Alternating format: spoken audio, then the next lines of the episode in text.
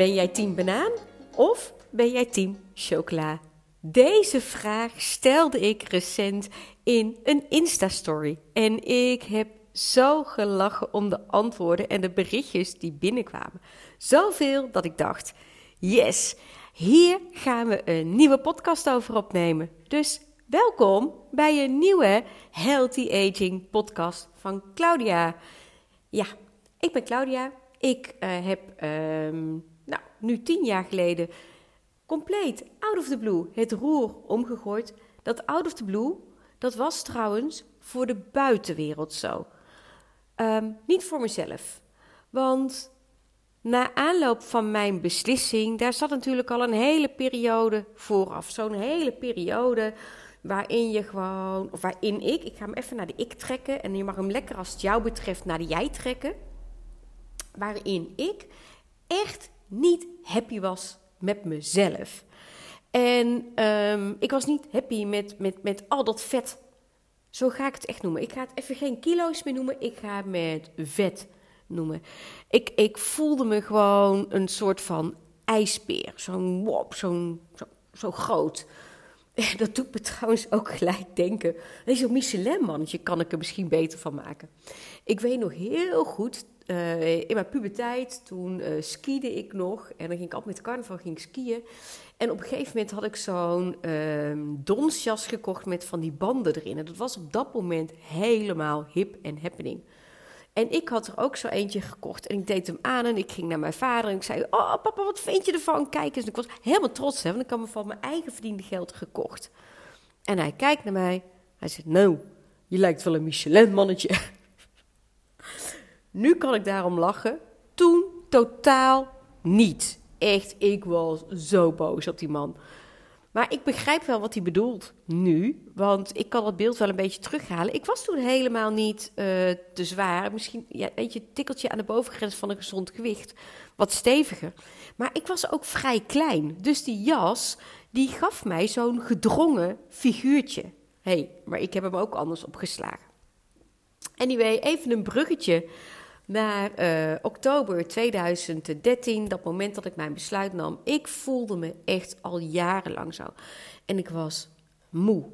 En ik, ik, ik was het gewoon beu. Dat, dat, dat, dat brandende maag, dat maagzuur, dat s'nachts wakker liggen, dat niet vooruit kunnen komen.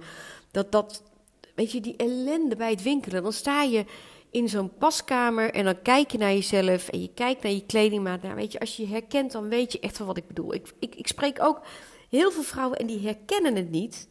Maar dan denk ik ook, ja, maar dan weet je ook niet wat het is, waar we het hier over hebben. Of wat te denken van die schurende benen. Oh, verschrikkelijk dat je in die zomer die, die, die schurende plekken op je benen hebt. Nou, anyway, ik was het spuugzat. Dus voor de buitenwereld nam ik out of the blue een besluit. Maar daar zat echt al een hele aanloop, ging daaraan vooraf. Um, ja, oh, op de achtergrond hoor je misschien uh, onze tacklepup uh, Morris blaffen. Die uh, leert blaffen. Echt, het is hilarisch. Ik laat hem even. Um, Oké, okay. 10 banaan, 10 chocola. Toen ik in 2013 mij het roer omgooide, toen ben ik team banaan geworden. Waarom? Omdat ik echt de stellige overtuiging had dat uh, het beter was of dat dat gewoon kon, dat je nooit meer iets lekkers zou eten. Zo begon ik ook. Maar ja, na een hele tijd, toen begon ik daar een beetje van te balen. Want ja, ik had ook wel eens zin in een stukje chocola of iets anders lekkers. Maar ik wist niet hoe. En Natuurlijk is een banaan hartstikke gezond en ik nam vaak banaan als een tussendoortje. Maar ik zie een tussendoortje persoonlijk niet meer als. Um, uh, ja, weet je, als onderdeel van het basis eetpatroon. Ik vind dat je in de basis, het ontbijt, de lunch en de avond, die moeten gezond zijn. Dat is mijn stellige overtuiging en daar coach ik ook altijd op. Stima klopt. En dan kun je met een tussendoortje kun je spelen. Dat is de 80-20 balans. En zo gaat het ook in een hele normale leefstijl, die dus eigenlijk die vrouwen hebben die van nature slank zijn. Want die eten ook wel eens een keer een stukje chocola of uh, een koekje of heel iets anders. Hier hebben ze trouwens ergens bij de koffietent hebben ze zo'n lekkere uh, noga. Denk ik, oh, als ik daar zit, lust ik die ook wel een klein stukje. Maar stel je nou eens voor dat je het nooit meer zou mogen. Nou, ik weet dat jij het er misschien ook wel voor over hebt om je doel te bereiken. Maar echt houdbaar, nee hoor, dat is het toch gewoon niet. Dus laten we daar gewoon mee stoppen. En het gaat ook niet over dat je dan maar de meest pure chocola moet nemen. Want iedereen al zegt, ja, maar pure chocola is gezond. Ja, weet je, ik denk dan altijd, doe even normaal. Chocola is chocola. En bovendien, als je gaat kijken, dan zit er in de meeste pure chocola zit toch echt ook nog gewoon suiker aan ingrediënt of een soort suiker toegevoegd. Nou, ik denk dan altijd, uh, daar komt hij weer, kutcrap. Weet je, chocola is chocola. Chocola is eigenlijk niet gezond. Maar we kunnen het natuurlijk wel helemaal gaan beredeneren om het zo gezond mogelijk te maken. Nou, ik doe daar niet meer aan mee.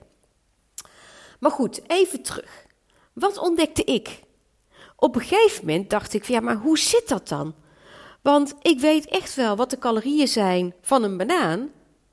Maar wat zijn eigenlijk de calorieën van gewoon een stukje van 25 gram chocola? Dus ik pakte mijn app erbij. Uh, mocht je dat willen weten, uh, er zijn heel veel voedingsapps. Het zijn allemaal goed. Persoonlijk uh, heb ik MyFitnessPal gebruikt en gebruik ik hem nog steeds als ik het nodig heb. Ook om dingen op te zoeken voor mijn klanten. Dus ik gebruik altijd MyFitnessPal. Dus ik dacht, ik voer eens in 25 gram melkchocolade. Ik eet trouwens geen pure chocolade, vind ik helemaal niet lekker. Dus gewoon melk. En toen dacht ik, ja, hey, dat scheelt misschien 10 calorieën met zo'n banaan. Dus waarom zou ik dan altijd een banaan of iets in die contraien als tussendoortje nemen? Als als tussendoortje dus ook gewoon een keer een stukje chocola kan. Nou, wat ik hiermee wil zeggen is: stop alsjeblieft met het zwart-wit denken. Tussendoortjes, daar gaat het eetpatroon niet om.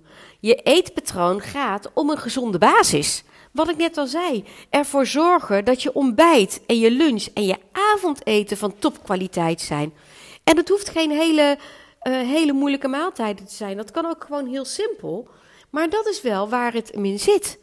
En dan kun je 80% van de tijd, hè, dat is zeg maar dat tussendoortje, kun je daarmee spelen. En of je dan kiest voor een gezond tussendoortje of niet, een tussendoortje is altijd eten zonder goede reden.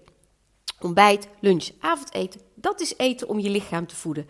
En een tussendoortje, ja, weet je, feitelijk hebben we die helemaal niet nodig. Maar het is gewoon lekker om een keer iets te pakken. En geef jezelf dan ook gewoon die vrijheid. En ik snap helemaal als het je in het begin allemaal nog te eng en te spannend is. Ik vertelde al, ik deed het in het begin ook echt niet. Maar op een gegeven moment durfde ik wat, wat breder te gaan kijken. En dacht ik, ja, maar ik wil wel een leefstijl die dus gewoon echt houdbaar is. Oké, en nu komt die. Ik heb ook de vraag gesteld: wat denk je dat ik ben? Ben ik team chocola of ben ik team banaan of ben ik beide? De grote grap is, ik ben dus beide.